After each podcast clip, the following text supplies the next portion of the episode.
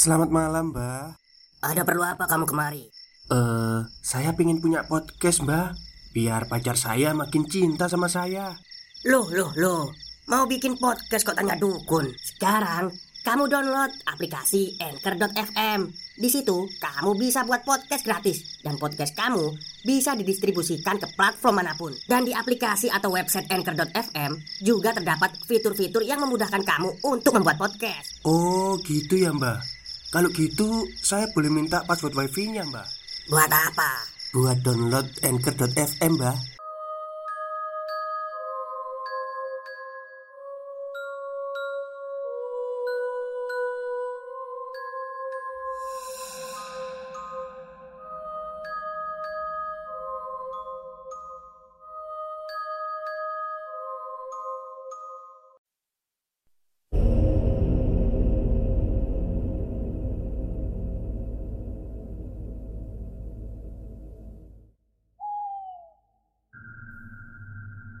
Assalamualaikum warahmatullahi wabarakatuh. Halo semuanya. Jumpa lagi dengan saya Chow Sing Sing Kurator dari podcast Horror Night Story. Halo apa kabar semuanya? Semoga kalian semua sehat-sehat ya. Dan seperti biasanya pada malam hari ini saya kembali Dan akan menghadirkan sebuah kisah mistis untuk kalian semua Kisah mistis kali ini saya datangkan dari tweet horornya Mas Gundul Silir Yang menceritakan tentang pengalamannya saat melihat jin. Dan ternyata Mas Gundul Silir ini memiliki Ini ya semacam indie home gitu ya. Jadi bisa melihat mereka yang tak kasat mata. Oke daripada kita berlama-lama Mari kita simak ceritanya Sore ini, seperti biasa, setelah pulang kerja, aku pergi ke kampus untuk kuliah malam. Maklum, sambil kerja, biar bisa biaya kuliah sendiri. Sore itu aku sengaja menunggu di kantor dulu karena jadwal mata kuliahku dimulai setengah tujuh malam. Setengah enam sore, Aku berangkat dari kantor naik angkot sampai ke jalan arteri. Dari jalan arteri, aku akan dibonceng temanku menuju ke kampus. Memang, temanku ini selalu baik hati, padahal tempat kerja kami berbeda dan tempat dan arahnya juga jauh. Teman yang sudah seperti saudara kandung, bahkan saudara kembar. Dia yang selalu kuberitahu apa saja yang aku lihat dan aku rasakan. Kembali ke jalan arteri. Aku sudah ditunggu temanku di persimpangan jalan dan lanjut ke kampus yang sudah dekat. Kampus kami memang dilewati oleh jalan arteri. Sampai di kampus, adzan maghrib sudah berkumandang. Memasuki area parkiran motor. Kami mencari tempat yang tidak terlalu jauh Dan mudah untuk menemukan motor kembali. Dari kejauhan Aku melihat tempat kosong untuk parkir di seberang pohon mangga Yang belum terlalu besar. Aku juga sudah melihat sesosok yang belum jelas dari kejauhan. Motor sudah terparkir dan saat berjalan melewati pohon mangga tadi, kulihat jelas ada sosok jin di bawah pohon mangga itu. Sosok ini menyerupai seorang perempuan sebaya kami. Tingginya hampir sama dengan kami. Rambutnya diurai sebahu mungkin, agak lupa sih. Mukanya pucat, begitu juga dengan tubuhnya dari kepalanya nampak darah segar keluar dan membasahi sebagian muka di sampingnya. Dia terus menangis, berdiri di bawah pohon mangga dan seperti memelas kepadaku. Dia mengulurkan tangannya kepadaku, seperti minta bantuan. Aku bicara sebentar dengannya, Maaf, Mbak. Mbak ini siapa? Kenapa di sini? Aku kayaknya belum pernah lihat Mbak di sini sebelumnya. Tolong, tolong. Suara lirihnya menjawab pertanyaanku. Karena berdiri diam di dekat pohon mangga agak lama, temanku menepuk pundakku. "Eh, lihat apa kamu?" "Udah, jangan nakutin. Ayo cepet sholat, terus masuk kelas." Ini dosanya lebih nakutin daripada hantu. Lalu aku pun berjalan ditarik temanku. Aku mengatakan pada sesosok tadi, "Nanti ya, Mbak, aku buru-buru. Nanti selesai kuliah, kita bicara lagi." Perempuan itu hanya menangis dan sedikit berjalan mengikutiku. Tapi, ku katakan padanya untuk menunggu saja di dekat pohon mangga ini. Nanti aku akan kembali. Aku segera berjalan cepat ke masjid kampus untuk sholat maghrib dan segera menuju kelas. Setelah setengah sepuluh malam, aku sudah selesai kuliah dan bersiap pulang bersama temanku ini. Aku berjalan ke parkiran dan melewati pohon mangga tadi. Tapi tak kudapati perempuan tadi Ku cari di sekitar parkiran. Beberapa saat kemudian, ia muncul dan duduk menangis di ujung pohon bambu, pembatas tempat parkir dan parkiran, tak jauh dari pohon mangga.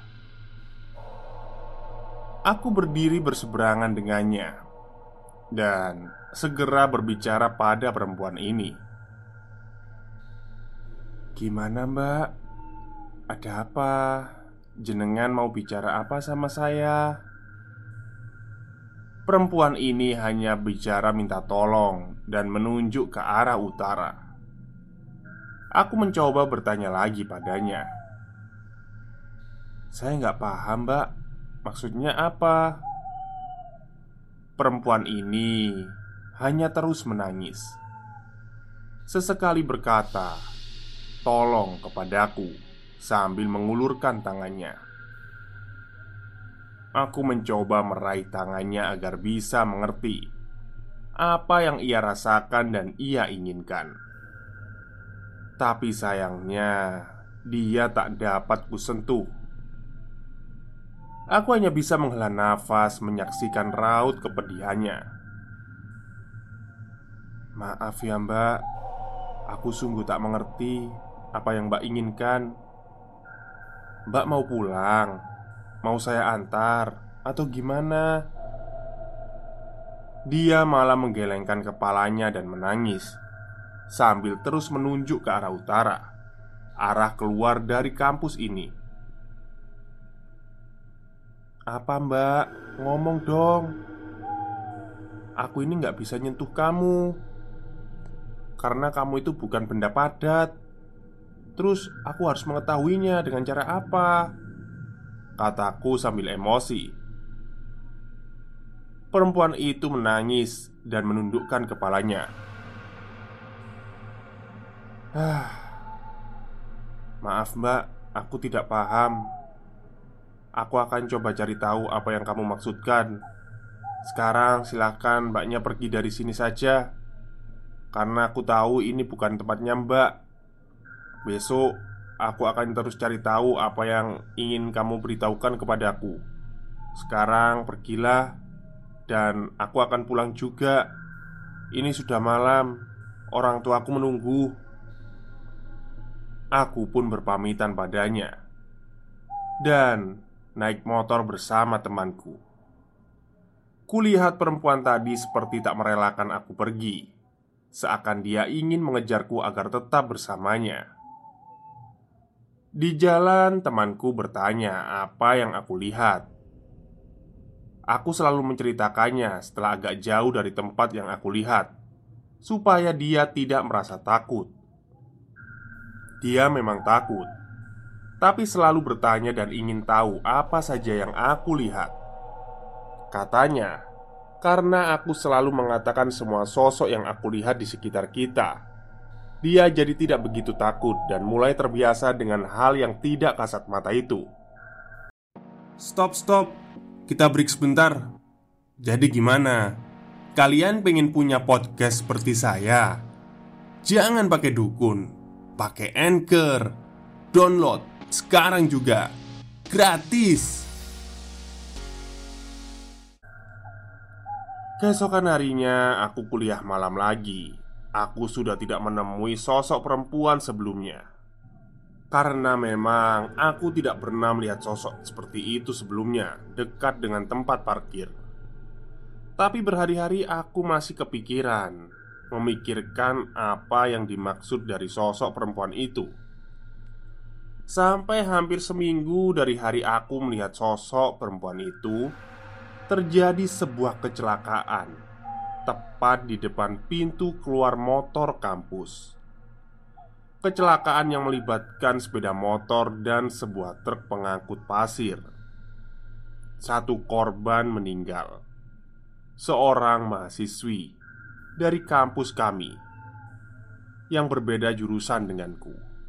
Katanya, korban tertabrak truk dan terseret beberapa meter, sehingga kepalanya mengeluarkan darah yang sangat banyak. Semua warga kampus cukup terkejut dengan kejadian itu, dan akhirnya kami lebih berhati-hati lagi saat akan keluar kampus menuju jalan alteri.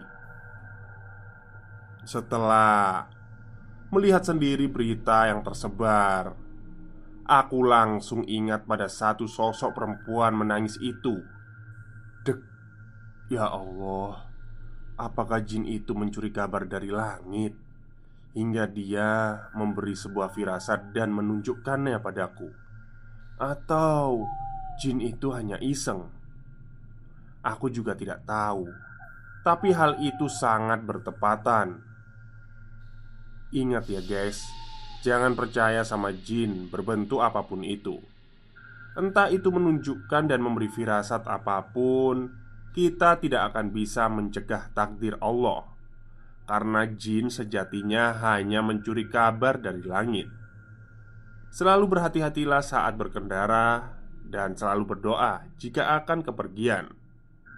Mari kita doakan mahasiswi korban kecelakaan itu yang aku lupa namanya. Terima kasih. Oke, itulah cerita singkat dari treat horornya Mas Gundul Silir yang menceritakan tentang penglihatannya ya terhadap makhluk halus. Jadi ternyata Mas Gundul Silir ini seorang indihome ya. Jadi udah terbiasa bicara dengan warga lain selain warga manusia gitu ya. Tapi mungkin uh, si jin ini tadi nggak seberapa menakutkan ya jadi dia berani gitu. Mungkin itu saja cerita pendek untuk malam hari ini Kurang lebihnya saya mohon maaf Wassalamualaikum warahmatullahi wabarakatuh